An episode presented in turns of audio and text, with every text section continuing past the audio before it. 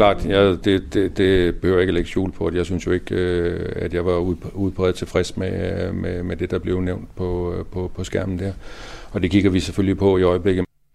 Nej, forsvarschef Flemming Lindfor var ikke udbredt tilfreds med det, som en bataljonschef i hæren sagde i en dokumentarudsendelse på TV2 i juli, da han i programmet Operation X i krig og krænkelser slog fast, at han nok skulle afgøre, om en krænket person skulle anmelde sagen til auditørkorpset eller ej. Det var det, man vist kalder en frisk indstilling, når nu forsvaret har en bestemmelse, der siger, at enhver kan anmelde sager om krænkelser direkte til auditørkorpset, uden at gå til chefen først. Hvad er der så kommet ud af den debat og den opstand, som dokumentaren med rette rejste i sommer?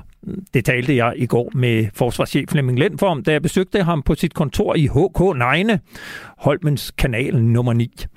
Nu er der en ny uddannelse i håndtering af krænkelser på vej. Men hvorfor skulle den virke bedre end alle de andre tiltag, som man har forsøgt gennem årtier for at ændre en mandsdomineret og krænkelsesmoden kultur i forsvaret? Det forsøger forsvarschefen at forklare lidt senere i programmet, hvor vi også skal tale om FE-sagen og udviklingen i Ukraine, og ikke mindst i Rusland efter ukrainernes succesrige modoffensiv omkring Rakiv.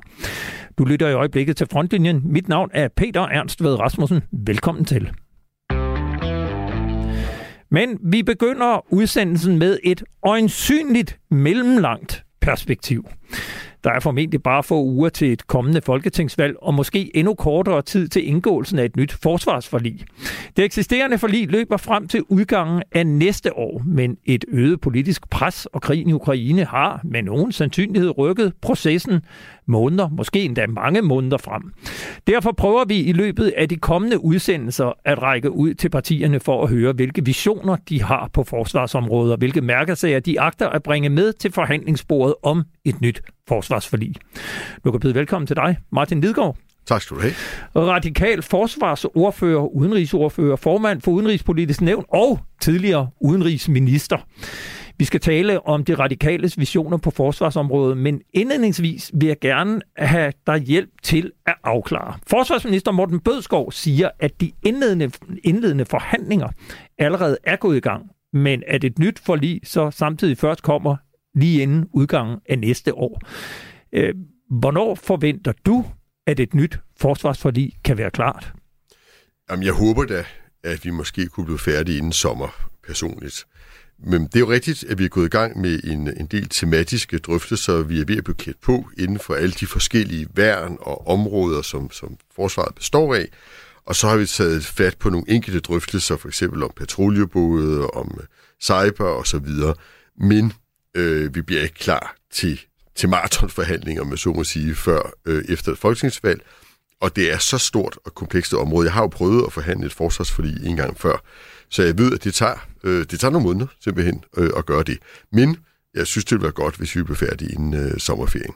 Kan, kan du ikke lige bare øh, for os øh, lægemænd ude på den anden side fortælle, hvordan foregår sådan noget rent praktisk? Altså forsvaret kommer med et oplæg, og er det så nu allerede, at I begynder at sige, hvad I gerne vil, og så prøver man at lave puslespil, der lander noget, som Jamen altså, øh, sidste gang der fik vi startet med at få udleveret sådan en hel mappe øh, med, som man fik i folkeskolen, her nær sagt, hvor så inden for hvert faneblad er der øh, det, et værn eller et område, øh, og hvad vi har øh, allerede aftalt på det område, så man kan starte med at læse ind på det, hvad der er øh, i spil og så videre, og så forhandler man simpelthen faneblad for faneblad, så bliver hele selvfølgelig summeret i en, i en, en samlet tekst til sidst. Men det, der er vores udfordring for os i livet, det er, at vi jo alle sammen gerne øh, ruste forsvaret bedre så hurtigt som muligt. Lige nu er situationen den, at vi har rigtig, rigtig svært ved overhovedet at få implementeret det forsvarsforlig, vi lavede sidste gang. I der januar mangler, 2018. Nemlig, der mangler personel. Vi har 600 ubesatte stillinger. En stor del af materiellet er forsinket, også på grund af krigen i Ukraine. Det er ligesom skubbet noget af produktionen til side for at fremme andre produktionslinjer. Øhm, og der er sådan en, en fundamental opgave i at sikre det fundament, vi står på. Og det siger jeg egentlig ikke som sådan en politisk kan man sige, melding, men mere en konstatering af. Det er det, vi får at vide. Det er det, forsvarschefen meget tydeligt gør os opmærksom på. Der skal lige være, øh, fundamentet skal lige stå fast og ordentligt, før vi bygger ovenpå det. Og det er derfor, jeg ikke tror, at man kan lave sådan en, en, en hurtig fix her i løbet af få måneder. Den 6. marts, der indgik regeringen sammen med jer og SF, Konservative og Venstre det såkaldte nationale kompromis, som inden udgangen af 2033 skal bringe forsvarsbudgettet op på 2% af BNP. Det åbner jo helt nye muligheder for at styrke dansk forsvar. Så hvis vi nu sætter os op i den øh, virtuelle helikopter, hvad er så de radikales vigtigste krav eller ønsker til det kommende forsvarsforlig? Jamen det øh, spørgsmål er jeg glad for, øh, og jeg kan sige, at vi har øh, mange ønsker med de tre vigtigste, øh, som står øverst på, på min, også fordi der ikke er så mange andre partier, øh, måske, øh, der er så optaget af det. Øh, det gælder ikke det første tema, for det er Arktis. Altså, øh, det står helt klart for mig, at med NATO's udvidelse med Finland og Sverige, så kommer vi til at skulle prioritere mere i nærområderne. Det gælder Østersøen, men det gælder så også Arktis, hvor vi må forvente yderligere russisk aktivitet. Og derfor har vi et stort blik på floden, som bliver det vigtigste, tror vi, øh, værn i Østersøen og i forhold til Arktis, at styrke floden.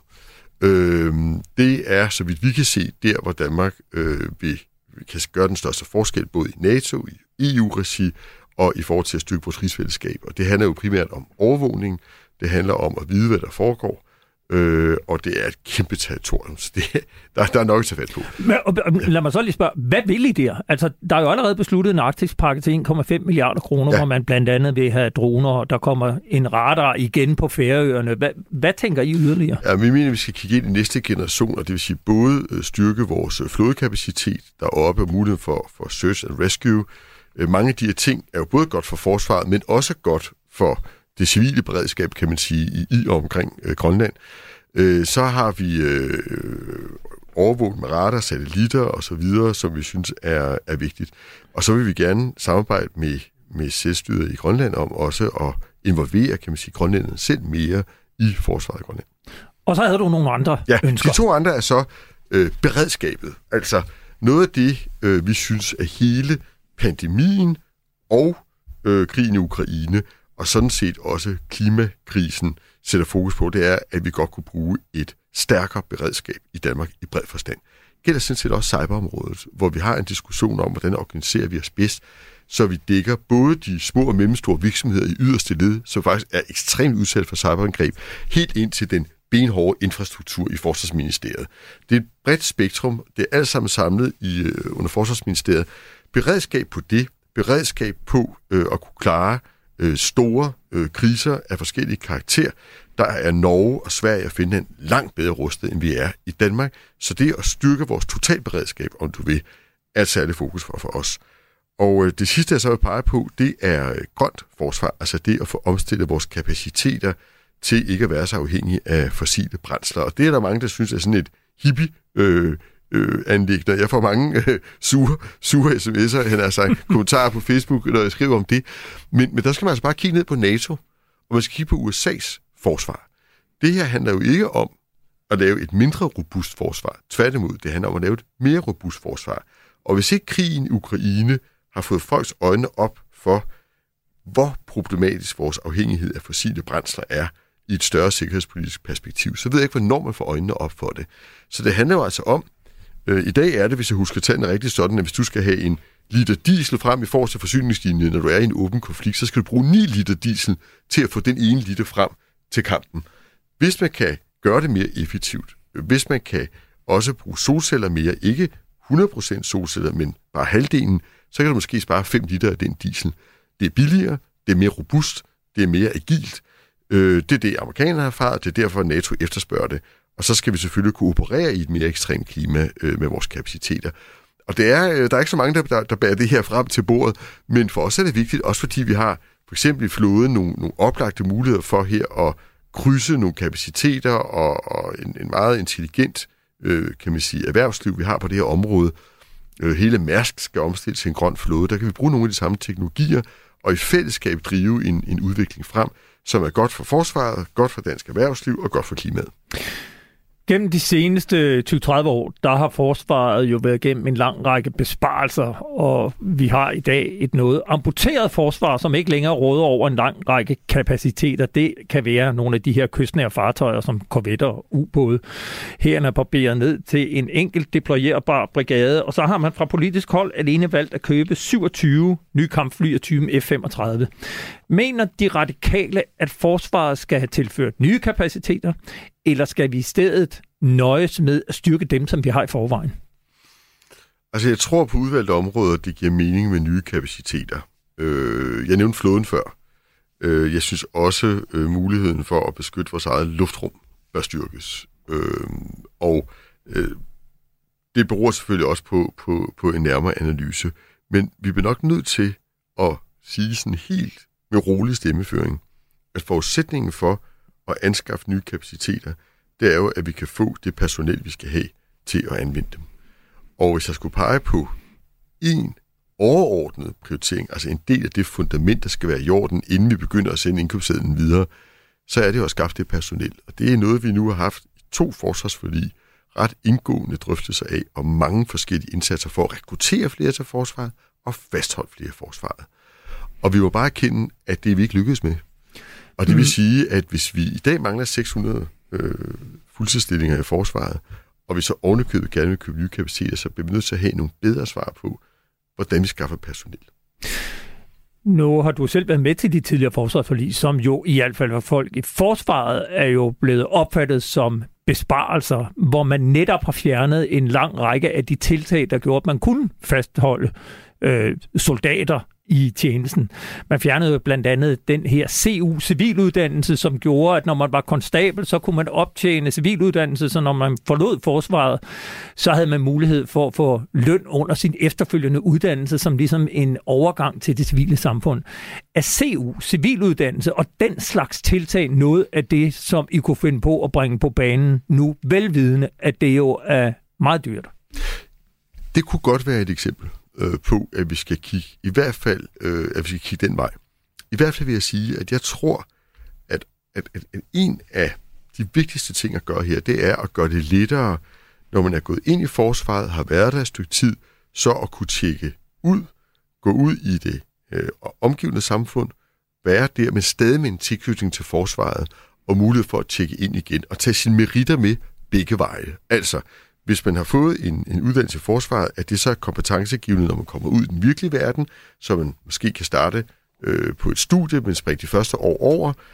Når man så er kommet ud, er blevet øh, vicedirektør i stedet, eller hvad ved jeg, øh, at så har man mulighed for at komme tilbage, hvis man vil i forsvar, og så tager man det med sig, så man måske kan blive officer af en lidt højere rang næste gang. Altså, nu karikerer det lidt, men, men det at lave et mere fleksibelt og åbent forsvar karrieremæssigt, tror jeg er vejen frem, fordi jeg har svært ved at se, at en, øh, en længere værnepligt øh, med, øh, er svar på det her. Men lad os lige tage den. Er det, du taler om i virkeligheden ikke en genoprettelse af det, vi kender som reserven? Altså og i virkeligheden en mobiliseringsstyrke, hvor man sørger for, at nogle af dem, der har været i forsvaret, både aftænkt værnepligt, men, men også dem, der har været i styrken, når de så forlader forsvaret, så giver man en reservekontrakt, sådan at den dag øh, ballonen går op, eller man har brug for flere muskler, jamen, så kan man hive nogle af dem ind, der har været i forsvaret. Det er jo ikke rigtig noget, man dyrker i øjeblikket. Altså en moderne form for reserve, kunne man kalde det, ikke? Fordi, man kan sige, under den kolde krig, der var, der var hele reserven mobilreserven, øh, den var jo beregnet på at skulle forsvare Danmarks grænser. Altså vi var den yderste forpost, og man skulle kunne lynhurtigt aktivere en, en hulens masse øh, mennesker. Her er vi jo nu i en ny situation, fordi øh, det, vi, vi regner med i NATO-regi, er jo, at hvis der kommer en ny front, så er det i de baltiske lande. Og der bliver Danmark først og fremmest et brohoved, og vi skal så levere soldater og materiel, som vi gør i dag, ind til forsvar af de baltiske lande, fordi det er, for, det er forreste linje i dag. Og i øvrigt Sverige og Finland, når de nu bliver medlemmer af, af NATO. Og det kræver en lidt anden form for reserve, fordi det meget tyder på, at NATO skal have et stående beredskab simpelthen øh, langs grænsen til Rusland. Og det vil sige, det er ikke sådan en reserve, du kalder ind, når krigen er der. Det er en løbende opgave. Så jeg ser for mig, altså, men jeg er ikke, jeg, jeg, jeg, jeg, jeg, sige, jeg tænker højt her, øh, og man skal jo tænke sig øh, grundigt om med mange andre også. Men jeg ser for mig, at man måske kan kalde folk, altså at folk for eksempel arbejder to tredjedel af deres tid i det private, men en tredjedel af deres tid i forsvaret, så de altså også kan blive sendt ud øh, ind imellem. Øh, det fører mig jo lidt hen til det her med et territorialforsvar, kontra det, vi har nu, som primært jo er det, man kalder deployerbart forsvar, der bliver bare barberet ned, sådan at man i stedet havde nogle små effektive enheder, der kunne blive sendt til Irak og Afghanistan og Kosovo og ud i verden for at løse konflikter. Skal vi tilbage til at have et mere traditionelt territorialt forsvar, eller skal vi øh, bibeholde noget af det, vi har nu, og bare have noget mere af det? Jeg tror, det bliver mellemting. Øh, fordi, øh, som sagt, er vores primære fokus nu på vores nærområder, Østersøen, de baltiske lande. Øh, og det vil jeg anbefale, at vi så rent faktisk også har fokus på, og vi tilrettelægger vores indsats. Der skal stadig kunne sendes i enkelte tilfælde øh, styrker udenlands, øh, hvis der bliver kaldt fra FN eller NATO derude, men det bliver i langt mindre grad, end vi har set i de forgangne 20 år, tror jeg. Der er jo masser ting, vi kunne øh, diskutere her, men noget af det, som i hvert fald optager øh, mange soldater i forsvaret, det er også forsvarsorganisering, hvor man jo lige nu har et øh, departement med otte underliggende styrelser. Hvor mange ønsker, at forsvarschefen skal have helhedsansvaret tilbage. Lytter du til den kritik, og er det noget, som de radikale er villige til at diskutere, at man skal tilbage til en mere traditionel organisering af et forsvar? Altså, det bliver ikke os, der tager den diskussion til bordet, lad mig sige det sådan. Øh, jeg synes, det er vigtigt at diskutere indholdet i en organisering. Det er vigtigt at diskutere, hvordan skaffer vi personel nok, end hvordan vi organiserer det rent administrativt. Men altså, vi har ikke nogen hasander øh, på den måde. Men, men altså, vi synes sådan set, øh, at vi har en dygtig forsvarschef, og jeg synes, vi har et dygtigt departement og en dygtig øh, styrke, og, og, og altså, vi ser ikke helt behovet. Vi synes, vi skal koncentrere os om at opbygge forsvaret, i stedet for at splitte det en gang til, om så sige. Nu var du selv lidt inde på, øh, på værnepligten, og det plejer jo at være sådan et emne, der i den grad fylder, når man diskuterer forsvarsforlig. Hvor står I i forhold til værnepligt? Skal vi have øget værnepligt? Skal den afskaffes? Skal den være længere? Eller hvad er dine ønsker og radikales ønsker, når man taler værnepligt i den næste forlig? Jeg tror, vi skal tænke nyt. Øh, heldigvis er vi jo faktisk, tror jeg, alle partier enige om, at kvinder skal inkluderes i værnepligten. Så langt, så godt. Altså i pligten? Ja. Ja. ja. Så har, øh, hvad hedder det, øh, Venstre og Konservative, øh, de, øh, de rejser rundt med et forslag om, at vi øh, skal udvide værnepligten dramatisk, altså både i antal personer og i længde. Og lige nu er den fire måneder. Ja, den er det, og det, de, de taler om helt op til 12-16 måneder, og de taler om øh, langt flere. Og det, det er jeg nok lidt mindre øh, begejstret for, og det skyldes simpelthen, at det kommer til at tage en masse ressourcer fra det faste personel, vi rent faktisk råder over. Det, det, det er jo en kæmpe opgave at uddanne så mange unge mennesker. Og hvis nu, at de ikke vil blive i forsvaret, og det er jeg bange for, at de ikke vil. I dag er det jo kun, stort set kun frivillige, der går ind i værnepligten. Og ud af dem er det kun en ud af fire, der fortsætter i forsvaret. Det er nok færre, hvis de bliver tvunget med en egentlig værnepligt. Og det vil sige, at vi kommer til at bruge en hulens masse ressourcer på at uddanne de her unge mennesker. Vi mangler dem jo også i resten af samfundet.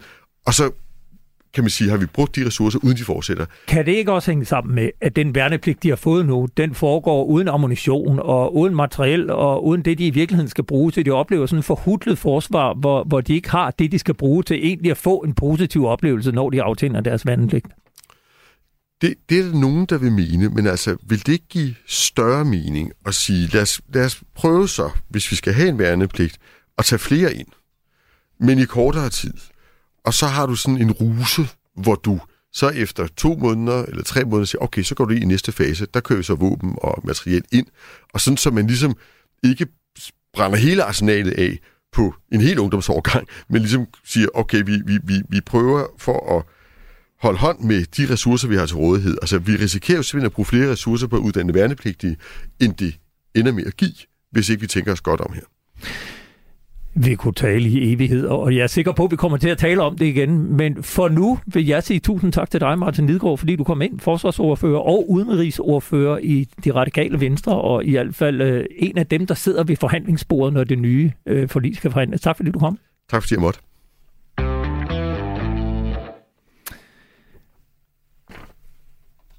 Mit navn er Peter Ernst ved Rasmussen, og du lytter i øjeblikket til frontlinjen her på Radio 4. Forsvaret vi er jo hierarkisk opbygget, og derfor i sådan nogle sager, så er det bataljonschefen, der er indberettet. Ja, det her var René Fjeldgaard, en bataljonschef i herren, som optrådte i Operation X i krig og krænkelser, som blev sendt på TV2 i sommer. Udsendelsen udløste en voldsom debat om en mandsdomineret kultur, hvor forsvaret på trods af en påstået nul-tolerance over for krænkelser tillader netop krænkelser uden at reagere på dem. Kritikken gik blandt andet på, at chefer i forsvaret stadig laver deres egne regler, selvom bestemmelserne siger noget andet, og at offrene for krænkelser selv må søge væk, hvis de vil undgå at møde krænkeren på deres arbejdsplads. I går besøgte jeg forsvarschef Flemming Lemster, Flemming Lent for på sit kontor i Forsvarskommandoen, og jeg spurgte ham indledningsvis, hvor stor en øjenåbner udsendelsen på TV2 var for ham. Man kan i hvert fald sige, at, at udsendelsen satte jo en tyk streg under, at øh, den udfordring, som vi allerede erkendte for øh, mere end et år siden, at den jo i hvert fald også øh, nu øh, blev øh, gjort tilgængelig for, for, for, for resten af befolkningen og for alle ansatte i forsvaret. Operation X's udsendelse har været forberedt i mere end et års tid. Øh, det er allerede tilbage i sommeren, faktisk i forsommeren 2021, at øh, TV2 begyndte deres research. Og på det tidspunkt, der var der jo en del øh, kvindelige medarbejdere, som TV2 rakte ud til. Og det medførte selvfølgelig en, en, en vis form for bekymring hos nogen, og en lyst til at være med hos nogle andre. Øh, og, og derfor begyndte vi jo allerede også på det tidspunkt at forberede os, øh, i virkeligheden sammen med TV2, fordi vi rakt ud til TV2 og har rakt ud til TV2 et antal gange for at stille os til rådighed øh, for netop at få afdækket tingene så godt som overhovedet muligt. Og hvad var din øh, reaktion på udsendelsen?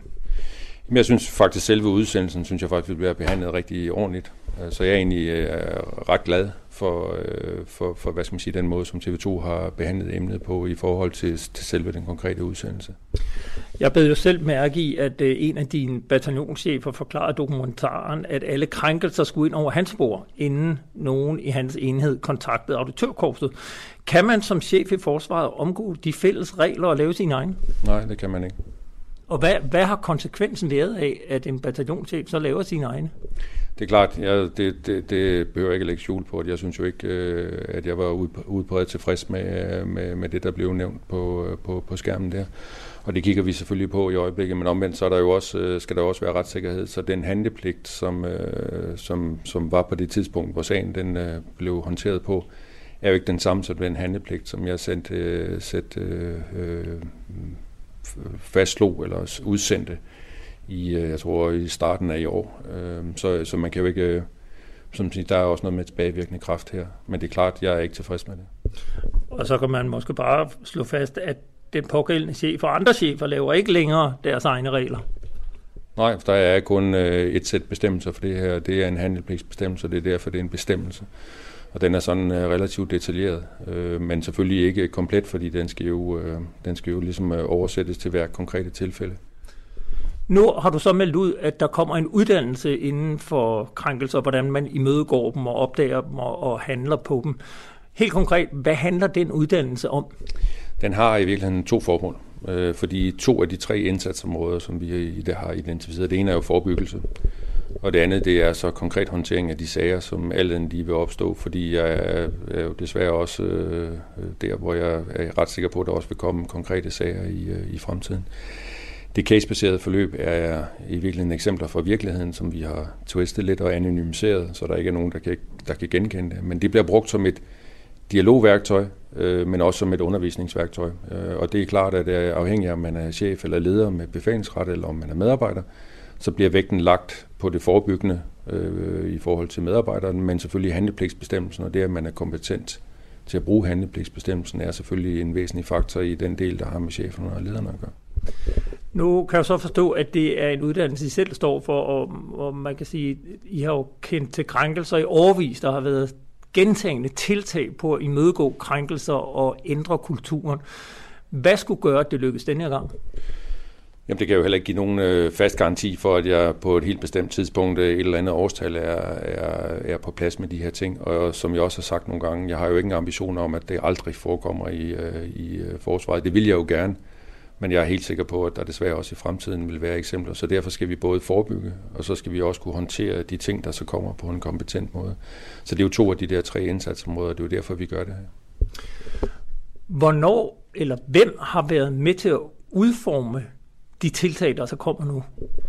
Jamen det er i virkeligheden startet øh, med et øh, initiativ ude i Søværnet, på et af Søværnets øh, skibe, som øh, på eget initiativ på et tidligere tidspunkt øh, var begyndt at tage fat på de her problemstillinger og brugte det værktøj som dialogbaseret værktøj i forhold til chefer på, på det pågældende skib om, hvordan ville man egentlig håndtere det her, hvis man skulle få en sag af en eller anden øh, karakter øh, på, øh, på skibet. Og det viste i virkeligheden, at, at det her dialogbaserede værktøj, hvor chefer og ledere egentlig sætter sig ned og taler om, hvordan reagerer du, hvordan reagerer jeg, det i virkeligheden gør, at øh, den enkelte chef og leder kommer til ligesom at udtrykke sit moralske kompas i forhold til, hvordan man opfatter situationer. Og det i virkeligheden er med til både at kunne forebygge, men også i virkeligheden, at cheferne finder sammen om en øh, ensartet måde at håndtere det her på. Så det er egentlig opstået som et, et, øh, et godt eksempel, som vi så har valgt at forfølge længere, udbygge, øh, og så selvfølgelig tilsætte den øh, hast, som jo også er her, at vi i første runde gerne skulle igennem alle forsvarets medarbejdere relativt hurtigt, og så er i fase 2 vil vi gerne have institutionaliseret det her, det vil sige, at de skal ind i forsvarets uddannelse, og det vil så være FAG selvfølgelig, der kommer til at stå for den del, når vi, øh, når vi kommer lidt længere frem. Et af kritikpunkterne i dokumentaren, TV2's dokumentar, var jo netop det her med, at øh, krænkede oplevede, at de ikke blev taget alvorligt. I har altid sagt, at jeg har en nul-tolerance-politik, men de oplevede jo, at de nærmeste mandagen efter kunne møde den, der havde krænket dem på tjenestestedet. Jeg kan så også forstå, at du har meldt ud, at, at det er et af de tiltag, I skal se på, at uh, man skal imødekomme offeret mere og, og være mere striks med at fjerne krænkere fra samme tjenestested. Kan du sige lidt om, hvilke overvejelser har du gjort dig om det? Hvordan skal det konkret udmyndtes? Men altså, som du selv siger, så er det rigtigt, at det, det kritikpunkterne er, at øh, i hvert fald på de eksempler, der blev, øh, der blev vist på TV2 også, at, øh, at der er en klar opfattelse af i hvert fald punkt 1, at man ikke bliver taget seriøst nok, og den ledelsesmæssige håndtering, så dermed heller ikke har været øh, kompetent nok. Og et af problemstillingerne er, at man kan møde, parterne kan mødes igen af forskellige årsager. Nogle er rigtig dårlige, andre er måske mere naturlige fordi det har noget med retssikkerhed og den slags ting at gøre. Men der tager vi anderledes fat nu i fremtiden. Og det ligger så jo i det, det tredje indsatsområde, nemlig hvad er det for nogle skærpede sanktioner, vi gerne øh, vil øh, stille os selv over for, når det er, at vi øh, oplever sager af øh, enten af en dårlig omgangstone, men selvfølgelig også mere konkrete eksempler. Og en af de tiltag er klart og åbenlyst, at den krænkede og krænkeren bliver adskilt på en noget mere håndfast måde, end vi har været vidne til på nogle af de eksempler, der har været frem. Der har man jo hidtil sagt, eller i hvert fald brugt som argumentation, at der lå jura i vejen for, at man kunne gøre noget. Har I været nødt til at ændre på nogle bestemmelser eller juraen for at kunne lave en mere håndfast øh, ordning? Jamen, jeg, vi kommer ikke til at ændre på juraen, men vi kommer til at ændre den måde, vi anvender juraen på. Så vi kommer til at være noget mere håndfaste i at udøve juraen i forhold til de regler og retningslinjer, som nu er i forhold til den ansættelsesret, der selvfølgelig er i forsvaret inden for de forskellige øh, personalegrupper. Så vi ser faktisk ikke, at der nødvendigvis er noget øh, juridisk øh, forkert eller øh, øh, i konflikt med juraen, at man i virkeligheden øh, adskiller øh, to parter i øh, begrænsede perioder, eller mens øh, sagen står på, eller mens sagen er under afklaring i, i, i første runde. Så det er klart, det vil vi være meget mere opmærksom på, og det vil vi også gøre i praksis. Jeg havde jo selv øh, fornøjelsen af at interviewe brigadegeneral Henrik Lyne her umiddelbart efter sommerferien, og hvor det var kort efter den her udsendelse, hvor jeg spurgte ham ind til den her sag. Og, og noget af det, han faktisk kritiserede, det var jo den her reaktion fra ledelsens side, at man i stedet for at behandle de brødne kar, så nu ruller et uddannelsesregime ud over hele forsvaret. Er der ikke noget, kan, kan du forstå den kritik, at man ikke bare handler på de sager, der er, og de få, der ikke kan finde ud af det, frem for nu at skulle rulle noget ud over hele forsvaret. Men jeg er helt enig med Henrik i, at vi skal handle på de konkrete sager, der er, det skal blive lige mere kompetent til. Men jeg tror, at afsættet for, at vi kan gøre det, det er faktisk det værktøj, vi ruller ud nu, hvor de enkelte chefer og ledere bliver fortrolige med den handlepligtsbestemmelse, som, øh, som, vi, har, som vi har sat i sving. Det er jo på samme måde, at vi træner og uddanner øh, til, at man kan håndtere handlepligtsbestemmelser, når vi er i internationale operationer i henhold til en militærmanual. Det er præcis det samme øh, type uddannelsesregime og uddannelsesbehov, vi har. Så jeg ser ikke det modsætningsforhold, men jeg kan sagtens forstå, hvad det er, Henrik han siger. Men jeg er helt enig med ham i, at vi skal håndtere sagerne mere kompetent, og det skal være med en øh, mere straksagtig øh, tilgang. Jeg opfatter det ikke som nogen straf, øh, og slet ikke som nogen kollektiv straf. Jeg tror, at alle chefer og ledere har faktisk godt af at få, hvad skal man sige, den her samtale med deres egen chefer og ledere, Fordi jeg ser jo også igen og igen, at det bliver nævnt, at det havde man forventninger om, at unge lagte chefer tog sig af, og den type af, af argumenter. Jeg vil bare sige, at alle de her sager, de er i virkeligheden rigtig svære at håndtere, og derfor er der ikke nogen chefer, som kan sige sig fri for, at der pludselig ligger en sag på deres bord fra en enhed eller et element, som er langt nede i den organisation, man nu har ansvaret for, fordi den mulighed er der jo altid, at hvis man som chef eller leder, befalingsmand eller officer, ikke føler sig kompetent til at øh, håndtere en sag, så er det sådan set helt okay, men så skal man bare eskalere det. Og derfor kan vi alle sammen blive mødt af de her sager. Og derfor er det godt, at vi kommer igennem den her, øh, den her uddannelse. Nu siger du så, at, at det, I ruller ud, det bygger på nogle erfaringer fra øh, Søværnet. Hvad har I gjort for at inddrage andre, som kunne have gode idéer til, hvordan at man kunne øh, planlægge sådan en uddannelse, så den bliver bedst mulig? Jamen, man kan sige, at, at, at vi øh, tager jo vores egen medicin, og vi tror på, at øh, en kulturforandring, fordi det er jo den, der ligger i den forebyggende del af det her, udover det at kunne håndtere sager, som ligesom ligger over i at blive dygtig til at bruge handlepligtsbestemmelsen. Jeg tror på, at kulturforandring skal komme indenfor. Jeg er helt sikker på, at erkendelsen af, at vi har en udfordring, der har vi fået hjælp udefra, det viser Operation X-udsendelsen øh, jo også. Så vi har jo også, øh, hvad skal man sige, i forhold til resultaterne i APV'erne, øh, jo ligesom tykket på at erkende, at vi har en udfordring. Men der er vi jo nu som samlet chefgruppe. Vi har en udfordring, den vil vi arbejde med. Men den kulturforandring, som vi gerne vil lave, den skal komme indenfra. Det er jeg helt overbevist om. Og nu sagde du så, at I har jo kendt til Operation X's produktion i over et år. Ja. Hvorfor skulle den sendes før, der i virkeligheden reelt set bliver handlet på den? Det er jo den fornemmelse, man i hvert fald får, at øh, først efter udsendelsen er blevet sendt, at man så rent faktisk laver nogle tiltag. Men der må jeg så sige, at det er så, det er så heldigvis forkert, fordi øh, handlepligtsbestemmelsen, som udspringer klart af vores erkendelse af sidste forsommer, at der er nogle ting, øh, som vi ikke øh, er gode nok til. Den er jo et resultat af et arbejde, som blev lavet øh, sidste efterår, som næsten, ja i hvert fald ni måneder før, at selve udsendelsen øh, løb over scenen. Så vi har bestemt ikke ventet på udsendelsen. Det er klart, at vi har jo ikke set udsendelsen, før den kom, øh, så, så vi har jo heller ikke kunne se, hvordan og hvorledes, at, at, at, at tingene er udspillet. Men, men det er ikke forkert at sige, at udsendelsen i sig selv har givet anledning til den nye uddannelse? Øh, jo, forstået på den måde, at det havde vi sådan set, det arbejde med at lave sådan nogle uddannelser, havde vi også sat i gang, inden udsendelsen øh, var der, men ja, det, det udsendelsen er, er god til, udover at, at jeg selvfølgelig gerne vil nævne igen, at jeg synes faktisk, at vi bliver behandlet ordentligt, det er jo at sætte fokus på det her. Så der er jo ikke nogen medarbejdere i forsvaret, som ikke har hørt om den der udsendelse. Det, det, det vil i hvert fald øh, stille mig tvivlen over for. Og derfor har den jo sat øh, fingeren på det ømme punkt, om man så må sige. Så, der, så alle er jo klar over, hvorfor vi nu laver den her øh, casebaserede træning alle er klar over, hvad er forsvarets holdning øh, til, øh, til, til de her kringelser, og at øh, vi vil være fri for det er. Og derfor hjælper sådan en udsendelse jo til at sætte fokus på det. Og det er jo en del af den øh, kulturforandring øh, og den kickstart til en kulturforandring, som jeg i virkeligheden bruger. Ja.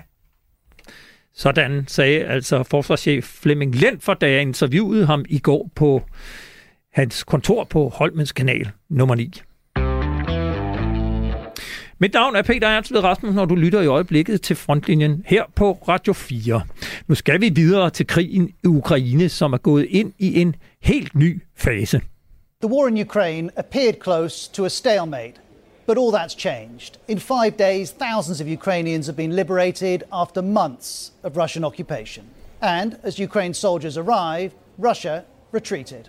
This is certainly the most dramatic uh, reverse that we've seen uh, for the Russians since they retreated from the advance on Kiev in, in April. One military analyst has hailed the greatest counteroffensive since World War II. Ja, det her var et klip fra BBC, som fortæller om den største modoffensiv siden 2. verdenskrig. Den 28. august indledte de ukrainske hærstyrker den modoffensiv, som har været ventet og omtalt i måneder.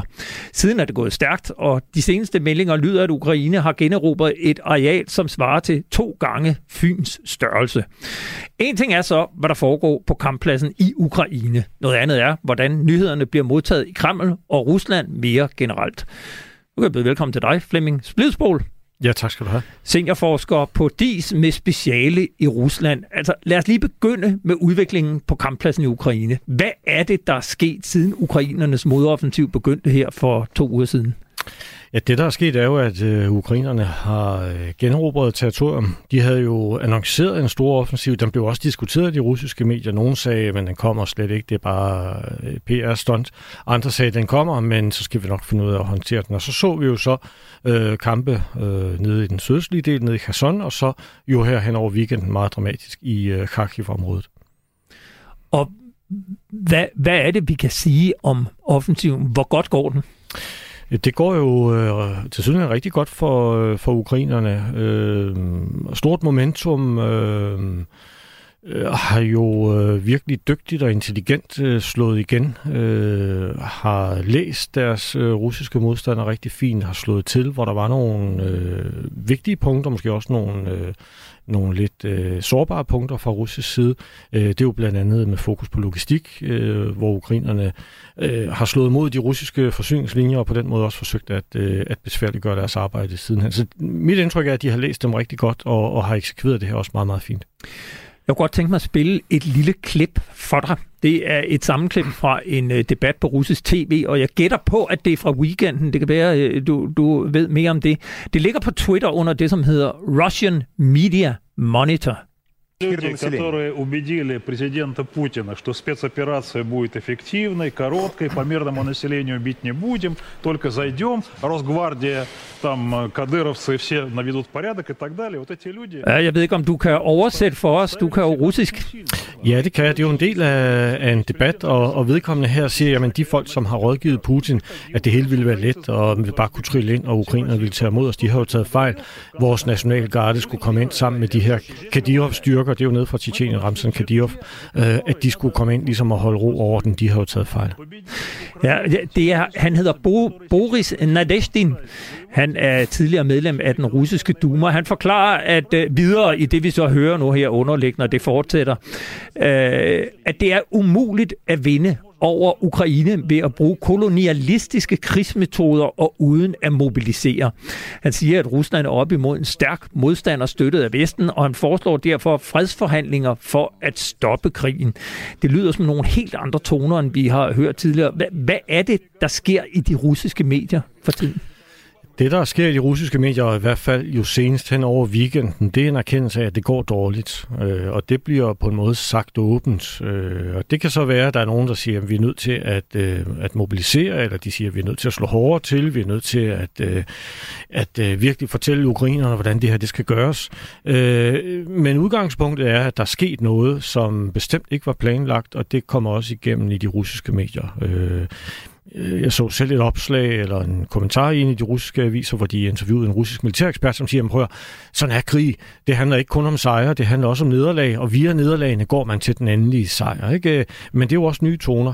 Øh, så en klar fornemmelse af nederlag, og det slår igennem jo ikke bare på sociale medier, det kommer også ud i de etablerede medier, hvor almindelige russer de kan sidde og læse og høre om det. Og hvor bredt kommer det så ud? For en ting er, at vi sidder og øh, ser et sammenklip her fra en øh, debat på russisk tv. Uh, øh, du siger, at du har læst i en avis. Er, er det noget, man taler mere generelt om i de russiske medier, eller er det noget, man ser i specialprogrammer? Og det er noget, man taler meget mere om. Og den specifikke artikel, jeg nævnte, det er fra det, der hedder Komsomolska Pravda, som er Ruslands helt store tabloidavis, Putins yndlingsavis, plejer man at sige. Og de talte åbent om det her, at Øh, man er nødt til at, at gribe det anderledes an. Der skal ske noget, hvis vi skal kunne vinde det her. Ikke? Vi er nødt til at, at, at lægge kursen om, og det kan så være enten at øh, få flere tropper ind, eller det kan være at have en ny kurs, det kan være at være mindre blødsødende, det kan være at begynde at bombe civil infrastruktur. Det er jo også kommet øh, her i de seneste dage fra russisk side, der er nogen, der, øh, der opfordrer til, det, at man skal gå meget mere efter civile mål. Øh, og det er jo også en, en indikation på, at ting ikke går, som man gerne vil. Kan man tale om en udvikling i dækningen fra de russiske mediers side, som er blevet mere ærlig?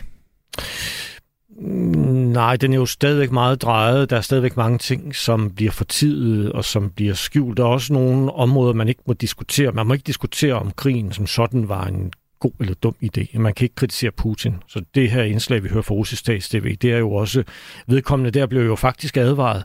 I udsendelsen blev han advaret af, øh, af et andet en anden deltager i debatten og sagde, at du skal virkelig passe på dit sprog nu. Øh, fordi der er nogle ting, man ikke må sige. Og, og det er jo interessant, han kritiserer jo ikke Putin, han kritiserer de folk, som måske har givet Putin rådgivning. Øh, så, så der er nogle linjer der, som stadigvæk ikke kan, øh, kan overskrides. Men, men debatten har ændret sig. Der er en erkendelse af, at det går dårligt, og det er jo også svært at skjule. Øh, søndags kom vi op på 200 dage øh, 200 dages krig, og det kan russerne jo også godt læse, og hvis ikke de følger med, så minder nogle af deres medier dem jo om det, fordi de begyndte at skrive om det på første dagen og anden dagen og tredje dagen, og de bliver ved med at, at skrive, at nu er det 202 dage, øh, fordi det er svært for dem at stoppe, når først de har startet med det, og det virkede som en rigtig god idé i starten, men det er det så ikke mere. Men det minder jo konstant befolkningen om, at det her det bliver åbenbart bare ved og ved og ved. Hvordan reagerer Kreml på de her nye toner i de russiske medier? Det, det må vel et eller andet sted også være godkendt af Kreml, at man kan tale sådan om det. Ja, det er det jo øh, det er det givetvis øh, i en eller anden udstrækning. Øh, altså det er jo ikke alt, der bliver detaljstyret. Der bliver udstukket nogle generelle rammer, og der er en forståelse af, at der er ting, man ikke må diskutere. Man må ikke diskutere tabstal, for eksempel. Det er fuldstændig udelukket. Man må ikke tale om det som en krig, det er udelukket. Man må ikke tale om, at det var en dårlig idé, det er også, og man må slet ikke øh, kritisere Putin, det er også en dum idé. Så der er nogle ting, som, som er helt udelukket, øh, men de styrer jo ikke alt sådan. Der er jo også en form for redaktionel frihed nogle steder, hvor der er nogle medier især, som måske går helt til grænsen øh, og, og forsøger øh, russisk medier for eksempel, som ret tidligt, øh, det var da de første tabstal kom efter en uge, øh, kiggede på tabstallene og sagde, hvad betyder det, at vi har mistet så mange? Jamen det betyder så så meget i forhold til Afghanistan, det betyder så så meget i forhold til øh, krigen i Tjetjenien, øh, den første krig i Tjetjenien, og på den måde gjorde de klar for læseren på, at det her det er faktisk bare meget voldsomt tabstal. De skrev ikke, at det var meget voldsomt tabstal, men de sammenlignede på en måde, og på den måde sådan indirekte, så kunne de vise læserne, at der er altså et eller andet her, som allerede ser skidt ud. Nu sagde du, at øh, den ene deltager i debatten, han, han blev anvaret af en anden deltager om, at han skulle vare sine ord. Øh, ved vi noget om, der er nogen af dem, der har været ude og kritisere, i hvert fald tale kritisk om krigen, som har oplevet konsekvenser? Jeg kan ikke umiddelbart komme i tanke om nogen. Det er der givetvis. Der kan være også nogen, der er blevet prikket på skulderen. De er blevet advaret på, på, på forskellige måder. Altså, der er jo en voldsom selvcensur i det her også, simpelthen fordi der er så forholdsvis øh, klare retningslinjer. Øh, det var der før krigen. Øh, reelt er der jo indført krigscensur i Rusland. Øh, det er der ikke formelt, men reelt er der jo. Og det betyder, at der er nogle, nogle mange de begrænser sig og er meget påpasselige.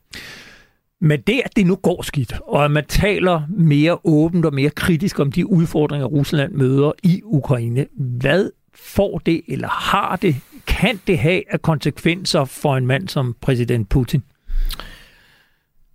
Jeg vil tro, at han føler sig presset lige nu, men der er meget lang vej fra den debat, der har været hen over weekenden, og så til, at Putin for eksempel bliver afsat, øh, eller skal gøre politiske indrømmelser, eller skal gøre noget andet. Øh, han har jo skabt et system, som virker meget velkonsolideret, øh, øh, som, som, som virker stærkt, og det har han jo styrket efter krigen. Ikke? Han har gjort klart for hele den russiske befolkning, men jo måske især folkene i kredsene omkring ham, at hvis ikke man er med 110 procent, hvis man på nogen som helst måde tvivler, så bliver man jo spyttet ud, ligesom et insekt, man får ind i munden. Ikke? Så, så, øh, så alle, kan vi sige, topkredsen omkring ham, de kappes jo om at være mest patriotiske. De er jo alle sammen hyperpatriotiske øh, og hyperaggressive i deres retorik, fordi de skal alle sammen vise, at de er 110 procent med. Øh, det betyder ikke, at han bare kan sidde roligt og, og, og, og lade det passere. Jeg vil gætte på, at han, han er oprigtigt stresset og, og, og træt af det, øh, og, og har jo også reageret med nogle fyringer og andet, ikke, som måske kan tage en del af kritikken og skubbe det nedad og sige, at det er altså også fordi, de alle sammen er så inkompetente. Min plan var faktisk rigtig god fra starten. Hvad ved vi om, hvordan den russiske befolkning reagerer på det, der sker lige nu. Altså, hvor man taler mere åbent om, om de udfordringer, der er, og samtidig med, at tabstallene jo vokser for hver eneste dag. Vi ved jo ikke rigtig meget. Det, der kommer, jeg har ikke set nogen meningsmålinger endnu, øh, efter øh, weekendens øh, hændelser. Det, det, der er nogle meningsmålingsinstitutter, som måler øh, hver uge øh, og spørger folk blandt andet om krigen, men de spørger også sådan mere generelt om, hvilke begivenheder har du specielt lagt mærke til i løbet af den forgangne uge og sådan noget. Det vil komme hen over weekenden. Og de er jo også manipuleret, men vi kan godt følge tendenserne i dem. Det vi hører fra russisk side fra folk, som som er der, og som har familie og taler med almindelige mennesker, som går på arbejde og kommer så trætte hjem om eftermiddagen, det er, at de har skubbet krigen til side at de, de ligesom ikke forholder sig til den. Og der kan jeg jo så citere en meningsmåling her, som viser, at den seneste måling, 34 procent af russerne siger, at de kan huske, at de har hørt eller læst noget om krigen i den forgangne uge. Og det er jo en væsentlig mindre del, end det er hos os. Og det er jo selvfølgelig dels fordi det ikke passer, men måske også fordi det er en forsvarsmekanisme, hvor de simpelthen siger, prøv det, det, det, det, kan jeg ikke forholde mig til, jeg, jeg gider ikke at læse eller høre mere om det, lad os skifte kanal. Øh, det er en forholdsvis lille del i hvert fald. Flemming Splidsbol, seniorforsker på DIS og ekspert i Rusland. Jeg vil sige tusind tak, fordi du kom ind og gjorde os klogere på, hvad det er, der foregår i Rusland i de her dage, efter Ukraine har indledt sin modoffensiv. Selv tak.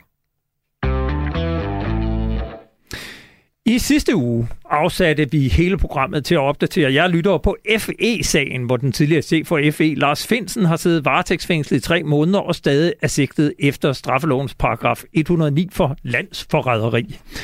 Det samme er den tidligere forsvarsminister Claus Hjort Frederiksen fra Venstre. Anklagemyndigheden ønskede før sommerferien at rejse tiltale mod ham, men et flertal i Folketinget afviste at ophæve Hjort Frederiksens immunitet, og der står sagen altså nu. Vi havde inviteret politikens journalisten Hans Davidsen Nielsen i studiet til at optomere den sag, som er blevet kaldt både vanvittig og helt uden sidestykke. Og der går sjældent en uge, uden at der sker en ny udvikling i sagen.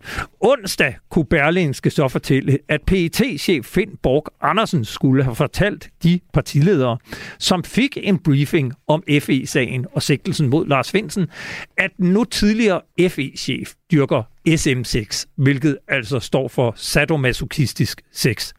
Det fik efterfølgende den tidligere operative chef i PT, Hans-Jørgen Bonniksen, til at politianmelde Finn Borgt Andersen for at bryde sin tavshedspligt. Og jeg har nu Hans-Jørgen Bonniksen med på en telefon. Velkommen til Frontlinjen. Ja, tak skal du have. Hvorfor har du politianmeldt Finn Borg Andersen? Det har jeg gjort uh, en eneste årsag, fordi jeg ikke kan se, og jeg kan ikke i min vildeste fantasi forestille mig, at en persons seksuelle præferencer har nogen som helst betydning i forhold til de rejste sigtelser efter straffelovens paragraf 109, som relaterer sig til landsforrædi. Jeg kender sigtelsen fra, fra, fra kilderne af, og det er mig fuldstændig umuligt, og jeg støttes også af andre personer, som også har lignende kendskab, at det har nogen som helst betydning, at det er savlig relevans, at man inddrager en persons ja, sexliv i forhold til, ja, det kan kun være et eneste formål efter min opfattelse, at svært personen til og medvirke til at gøre ham udulig som, som øh, chef for Forsvars efterretningstjeneste.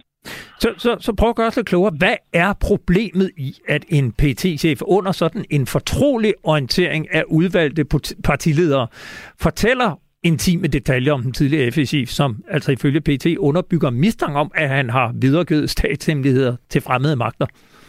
Jamen, der i allerhøjeste grad har det da be, be, betydning forstået derhen, hvad verden rager det dog uvedkommende i forhold til de sigtelser, som er rejst, hvad man foretager sig i sit soveværelse. Det er jo baseret på, og det skal vi lige være opmærksom på, indgreb i meddelelseshemmeligheden, altså telefonaflytninger, rumaflytninger, hvor man går helt ind i soveværelset og får adgang til nogle informationer, i håb om at finde noget, som har betydning i forhold til den rejste sigtelse, som man gået ind vurdere, hvor, hvorvidt det overhovedet er hold i sigtelsen omkring landsforræderi. Der har seksuelle præferencer, der er intet som helst med, med sagen at gøre. Så for det første er det uberettigt, og for det andet er det ingen overhovedet øh, savlig begrundelse for, at man kan gå ind og bruge den slags ting. Det kan kun have et formål. Det er simpelthen at svært manden og medvægt til i andres øjne at gøre noget udulig som øh, chef for Forsvars efterretningstjeneste. Nu har øh, justitsminister Mathias Tesfaye jo været ude og berolige befolkningen i et større interview i Berlingske, hvor han siger, at man må have tillid til, at den her sag den er håndteret helt efter bogen, og alt er gået lige som det skal. Hvordan kan du vide dig sikker på, at det ikke har relevans for sagen at orientere om Lars Finsens eventuelle seksuelle præferencer? Altså, jeg kunne aldrig finde på at udtale mig, med mindre at jeg har rimelig formodning om et strafbart forhold. Og det er da selvfølgelig baseret på, at jeg har dels insight-viden, og jeg har nogle kilder, som har et meget tæt på efterforskningen, og øh, dem har du selvfølgelig respekt for, som jeg også har respekt for. Mm. Så på ingen måde vil jeg gå ud og eksplodere dem. Men det er da selvfølgelig baseret på en, en viden, og ikke bare på min fri fantasi. Jeg kan ikke lade være med at, at spørge dig, altså, når man indgiver en politianmeldelse, dem får politiet jo tonsvis af. Øh, hvordan tror du selv, at politiet øh, vil reagere og behandle din anmeldelse? Altså, jeg håber da stadigvæk på, at jeg har stadigvæk en lille smule tillid til øh, retssamfundet i det danske samfund, til trods for, at FE-sagen har skuffet mig dybt, til trods for, at jeg 41 år faktisk øh, både nationalt og internationalt har ros til det retssamfund, vi befinder os i, og den retssikkerhed, vi alle sammen har. Og jeg har da stadigvæk en lille tro på, at man selvfølgelig behandler en, en sådan anmeldelse seriøst. Og ikke mindst i, i den kontekst, som hedder, at måske på et eller andet givet tidspunkt kommer det, og det tror jeg faktisk, det gør en kommissionsdomstolsundersøgelse af hele FE-sagen, så skal man være der meget bevidst om, at man behandler den slags ting seriøst, for det kan der meget vel inddrages, og så også få, få konsekvens i, i forhold til de ansvarlige. Mm, den, den tidligere justitsminister Søren Pind fra Venstre, vil at mærke, nu er han ikke politisk aktiv mere, men, men han skrev øh, efter oplysningen om det her med Lars Finsens sexpræferencer på Twitter, citat, det her er uhørt. Hvem har givet Finsen en sikkerhedsgodkendelse? Spørgsmålstegn. Det er det spørgsmål, et hvert tænkende menneske bør stille sig selv. Det er det glade vanvid. Har Søren Pind ikke en pointe i, at det kan være problematisk af en FE-chef, som måske dyrker en meget aparte form for sex? Altså, det er jo et paradoks, at den tidligere minister stiller det spørgsmål forstået derhen, at øh, hvem det er ansvarlig for sikkerhedsgodkendelsen, jamen så skal han da ret øh, tage fat i et spejl og så kigge på, at i det øjeblik, at man skal have så er det altid ansættelsesmyndigheden. I princippet kunne det være ham, eller forsvarsministeren, som, som giver den her sikkerhedsgodkendelse, efter man er blevet sikkerhedstjekket. Alene det, men det andet der med hensyn til, til den øh, udtalelse om, at man og det er det, der ligger til grund, at man udsætter sig selv for unødige risici i forhold til, til det at blive afpresset, at de tider er forbi. Altså, jeg tænker bare på, for tre uger siden, der stod statsministeren midt i en prægtparade og øh, medvirke til at understrege, hvor mangfoldige vi er i det danske samfund. Men øh, det er der måske nogen, der stadigvæk ikke er. Og det medvirker jo bare til det, som også for mig er et problem. At Lars Findens omdømme, ja faktisk på livstid, nu eksisterer med et dårligt islet hos mange mennesker i det land, selv hos højt begavede mennesker, som burde have betydeligt større indsigt og betydeligt større frisind som liberalt menneske, som Søren Pind i hvert fald udgiver sig for at være. I sidste uge der havde jeg journalisten Hans Davidsen Nielsen i studiet. Dengang der vidste vi ikke andet end, at PT-chefen skulle have delt intime detaljer om Lars Finsen, uden at vide, at det øjensynligt altså drejede sig om SM6. Prøv lige at høre her, hvad Hans øh, Davidsen Nielsen sagde i den forbindelse. Jeg tror, øh, øh, øh, det som, som man har forsøgt, det er jo at, ligesom at tegne en profil af Lars Finsen. Øh, et psykologisk portræt, kunne man nærmest sige, som skulle overbevise partilederne for de andre om, at han er uegnet til at være øh, øh, chef for FE, at han nærmest ligesom ja, udgør en sikkerhedsrisiko og kunne være offer for, for, for afpresning. Men et godt spørgsmål er jo virkelig at sige intime detaljer og cykelstel og så videre hvilken, hvilken relation har det til sigtelsen mod ham? Ja, og det her med cykelstel, det drejer sig om, at øh, det øjensynligt også er blevet oplyst til partilederne, at Lars Finsen har hentet cykelstel i containere på genbrugsstationer, som han ville tage op i sit sommerhus og bruge, øh, altså sætte dem i stand der. Deler du Hans Davidsen Nielsens opfattelse af, at det må være årsagen til, at pt chefen oplyser partilederne om Lars Finsens sexliv? Altså simpelthen bare altså, miskreditere ham? Jeg har dyb respekt for Hans Davids Nielsens indsigt i efterretningsvæsenet. Han har skrevet flere bøger om det, både om PET og Forsvars efterretningstjeneste. Så jeg deler absolut hans synspunkt. Men også det, at, ja, man hører noget efter her, at det der med, at man forestiller sig, at man kan afpresse på grund af den slags ting der, jeg vil nok også sige, at hvis det er et spørgsmål om tilsværtning, så har man jo faktisk haft 20 år, 20 år til, hvor Lars Svendsen faktisk har fungeret først som chef for politiets efterretningstjeneste, det er med også min chef, og så senere hen som departementchef, hvor han beskæftigede sig med, med rigets øh, ydre sikkerhed, og så nu her på det seneste som forsvars efterretningstjeneste, så er man øh, virkelig langsomt optrækket, hvis man begynder at finde ud af på nuværende tidspunkt, at man ikke er egen til at fungere i den her højt betroede stilling. Øh, hans sigtelse, altså vi ved jo ikke meget om sagen, fordi øh, vi må jo ikke vide noget om den, når der har været dobbelt lukket døre, når, den har, når han har været øh, for retten, altså blevet, blevet først varetægtsfængslet og, og, og siden øh, løsladt. Men vi ved, det drejer sig om straffelovens paragraf 109, at det er den, han er sigtet for. Den lyder sådan, den som røber eller videregiver med, meddelelse om statens hemmelige underhandlinger, rådslagninger eller beslutninger i sager, hvorpå statens sikkerhed eller rettigheder i forhold til fremmede stater beror, eller som angår betydelige samfundsøkonomiske økonomiske interesser over for udlandet straffes med fængsel indtil 12 år. Vi har kun et lille minut tilbage her. Øh, når du ser på hele sagen, og, og den sigtelse, som han er, øh, eller den paragraf, som han er sigtet for, altså med en strafferamme op på 12 år, hvad, hvad siger det dig om den her sag? Jamen, det siger man, at man har skudt crossbow med kanoner, og man har desperat søgt efter at finde en bestemmelse, som er elgammel, og som jo efter en nøje juridisk vurdering faktisk overhovedet ikke kan bruges i forhold til, hvad Lars Svendsen eventuelt har, har gjort. Man har forsøgt på at finde en bestemmelse, der giver adgang til telefonaflytninger og rumaflytninger, fordi man led et formastligt nederlag, Justitsministeriet led et formastligt nederlag i en tidligere sag mod en politimester fra PET, nemlig Scharf, som i landsretten blev pur frifindet. Mm. Og jeg mener, at man simpelthen nu har sagt, det skal ikke ske en gang til. Og så finder man en bestemmelse, som har den strafferamme, som berettiger til rumaflytning. Altså det er jo, det er jo i princippet, men altså jeg har ikke ord for det, uselt. Hans Jørgen Bonniksen, tidligere operativ chef i politiets efterretningstjeneste. Tusind tak, fordi du var med i dag. Velbekomme. Og så har vi ikke meget andet tilbage at sige, end at programmet, denne udgave af Frontlinjen, blev lavet i samarbejde med journalist Miriam Legård Jacobsen. Og husk, at du kan skrive til os med ris, ros eller gode idéer til emner, som vi bør tage op på frontlinjen, snabelag radio4.dk.